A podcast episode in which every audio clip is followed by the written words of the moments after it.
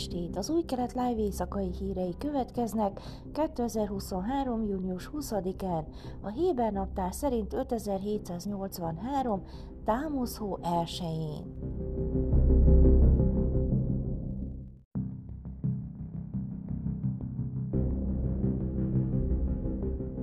Ritka és veszélyes cápafolyt észlelt Eilát közelében a Természetvédelmi és Parkok Hatóság felügyelője vasárnap. A tisztviselők által készített felvételeken egy tigris cápa a város északi strandjainál behatol az úszó területre. A jelenség mindössze egy héttel azután történt, hogy egy orosz turista meghalt, amikor egy tigris cápa szétmarcangolta Egyiptom egyik vörös-tengeri üdülőhelyén. Dr. Asaf Zvoloni, a Természetvédelmi és Parkok Hatóság ökológusa szerint a faj a Vörös-tengerben őshonos, de ritkán látható. A cápa jelenléte a térségünkben jó néhány kérdést felvet azzal kapcsolatban, hogy veszélyes-e, és ha igen, mennyire veszélyes ejláton a tengerbe menni, fogalmazott közleményében. Zvuloni elmondta, hogy a tigris cápák akár 5 méteresre is megnőhetnek, és 50 évig elélhetnek. A cápák Izraelben Egyesület szerint az Eilat közelében nyáron megjelenő tigris cápák általában nőstények és szülni jönnek. Megjegyezték, hogy az elmúlt napokban több búvár is tanulja volt tigriscápáknak a környéken, és azt tanácsolták a strandolóknak, hogy maradjanak nyugodtak, ha találkoznak egyel. Ne tegyenek hirtelen mozdulatokat, tartsanak állandó szemkontaktust a cápával, és ha szükségét érzik, lassan térjenek vissza a strandra. A legtöbb cápa magától odábbál, mondták. Még ha élvezik is a cápa jelenlétét, fontos, hogy ne vegyék körül, ne zárják el az útját, ne kerüljenek a közelébe, és természetesen ne érintsék meg, tették hozzá.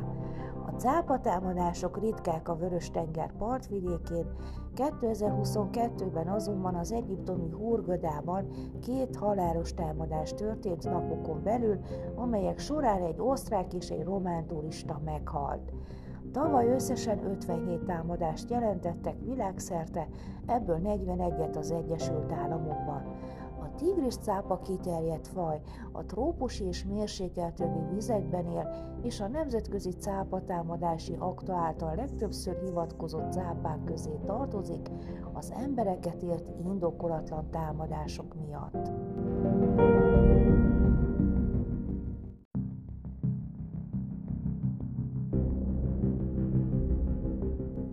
A Védelmi Minisztérium hétfőn a 2023-as Párizsi repülősó izraeli nemzeti pavilonjában technológiák széles skáláját mutatta be számos védelmi vállalattól.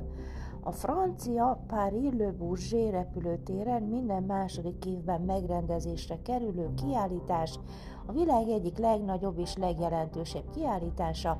Az idei rendezvényen több mint 2500 cég illetve 150 ezer tisztviselő mutatja be legújabb termékeit.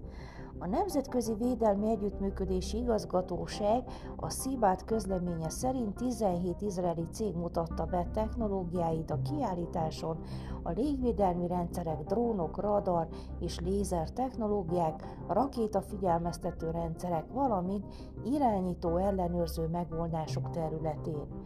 Joáv Gálánt védelmi miniszter az izraeli nemzeti pavilon avató ünnepségén felszólalva elmondta, Izrael folyamatosan új katonai technológiákat fejleszt Irán ellen. Izrael azon képességét, hogy szembenézzen a fenyegetésekkel, azok az elkötelezett egyének határozzák meg, akik várathatatlanul dolgoznak a legmodernebb technológia kifejlesztésén, mondta. Ez a folyamatos és nagy kihívásokkal teli intellektus harc többnyire a színfalak mögött zajlik. Az elmúlt években ez a szellemi verseny egyre nagyobb lendületet kapott, és magabiztosan állíthatom, hogy Izrael felülmúlja ellenfeleit mind védekező, mind támadó képességeiben. Irán minden eddiginél közelebb van a katonai nukleáris képességek megszerzéséhez, és felmorzsoló háborút folytat ellenük terror megbízottjain keresztül.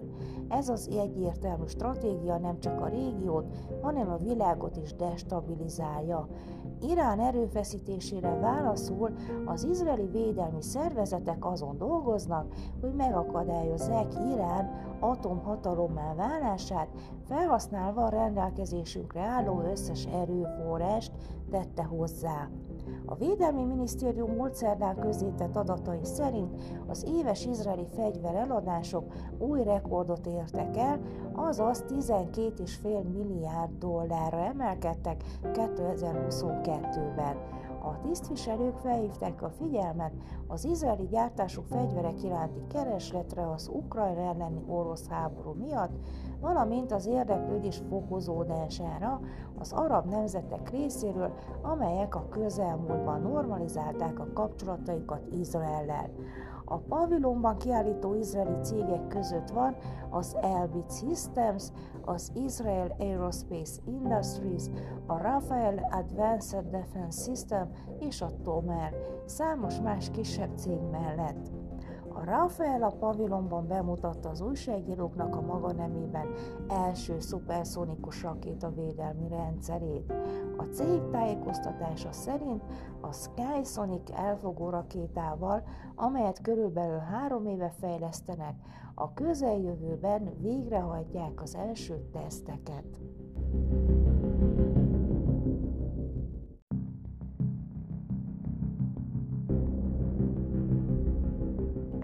Július 1-től 12%-kal emelkednek a tömegközlekedés viteldíjai összhangban a tömegközlekedési ráfordítási index emelkedésével. Az indexet évente egyszer júliusban frissítik a bérek, üzemanyagok, biztosítások és egyéb kiadások szerint. A közlekedési minisztérium közleménye ugyanak az előző kormánya hárította a felelősséget, valójában azonban az előző kormány vezette be a tömegközlekedési díjak reformját, amely a tömegközlekedési ráfordítási index emelkedése miatt semlegesítette az akkoriban tervezett emelést. Az egyenlő utak reform értelmében az ország egész területén kiegyenlítették a viteldíjakat. Az egyszeri buszozás viteldíját 5,5 sékelben határozták meg. Eltörölték ugyan a RAVKAF tömegközlekedési bérlet feltöltésére vonatkozó 20%-os kedvezményt, ugyanakkor kedvezményeket adtak a havi jegyekre a periférián, és bevezették a 75 év felettiek ingyenes utazását. Miri Regev közlekedési miniszter eltörölte az előző kormány által bevezetett reform törekvéseket, és a sajátját kívánja érvényesíteni igazságos közlekedés néven, amelyre ugyan 760 millió sékeles tömegközlekedési támogatást ígért, de mindössze 360 millió sékelt különítettek el erre a célra, ráadásul a buszjáratok bővítésére elkülönített költségvetés terhére. A közlekedési minisztérium és a pénzügyminisztérium képviselőiből álló viteldíj bizottság még nem ülésezett, hogy elfogadja az új reformot, amelyet a pénzügyminisztérium eleve bírált, többek között azért, mivel a minisztérium szerint nincs szükség arra irányuló ösztönzésre, hogy a közlekedők személygépkocsiról tömegközlekedésre váltsanak.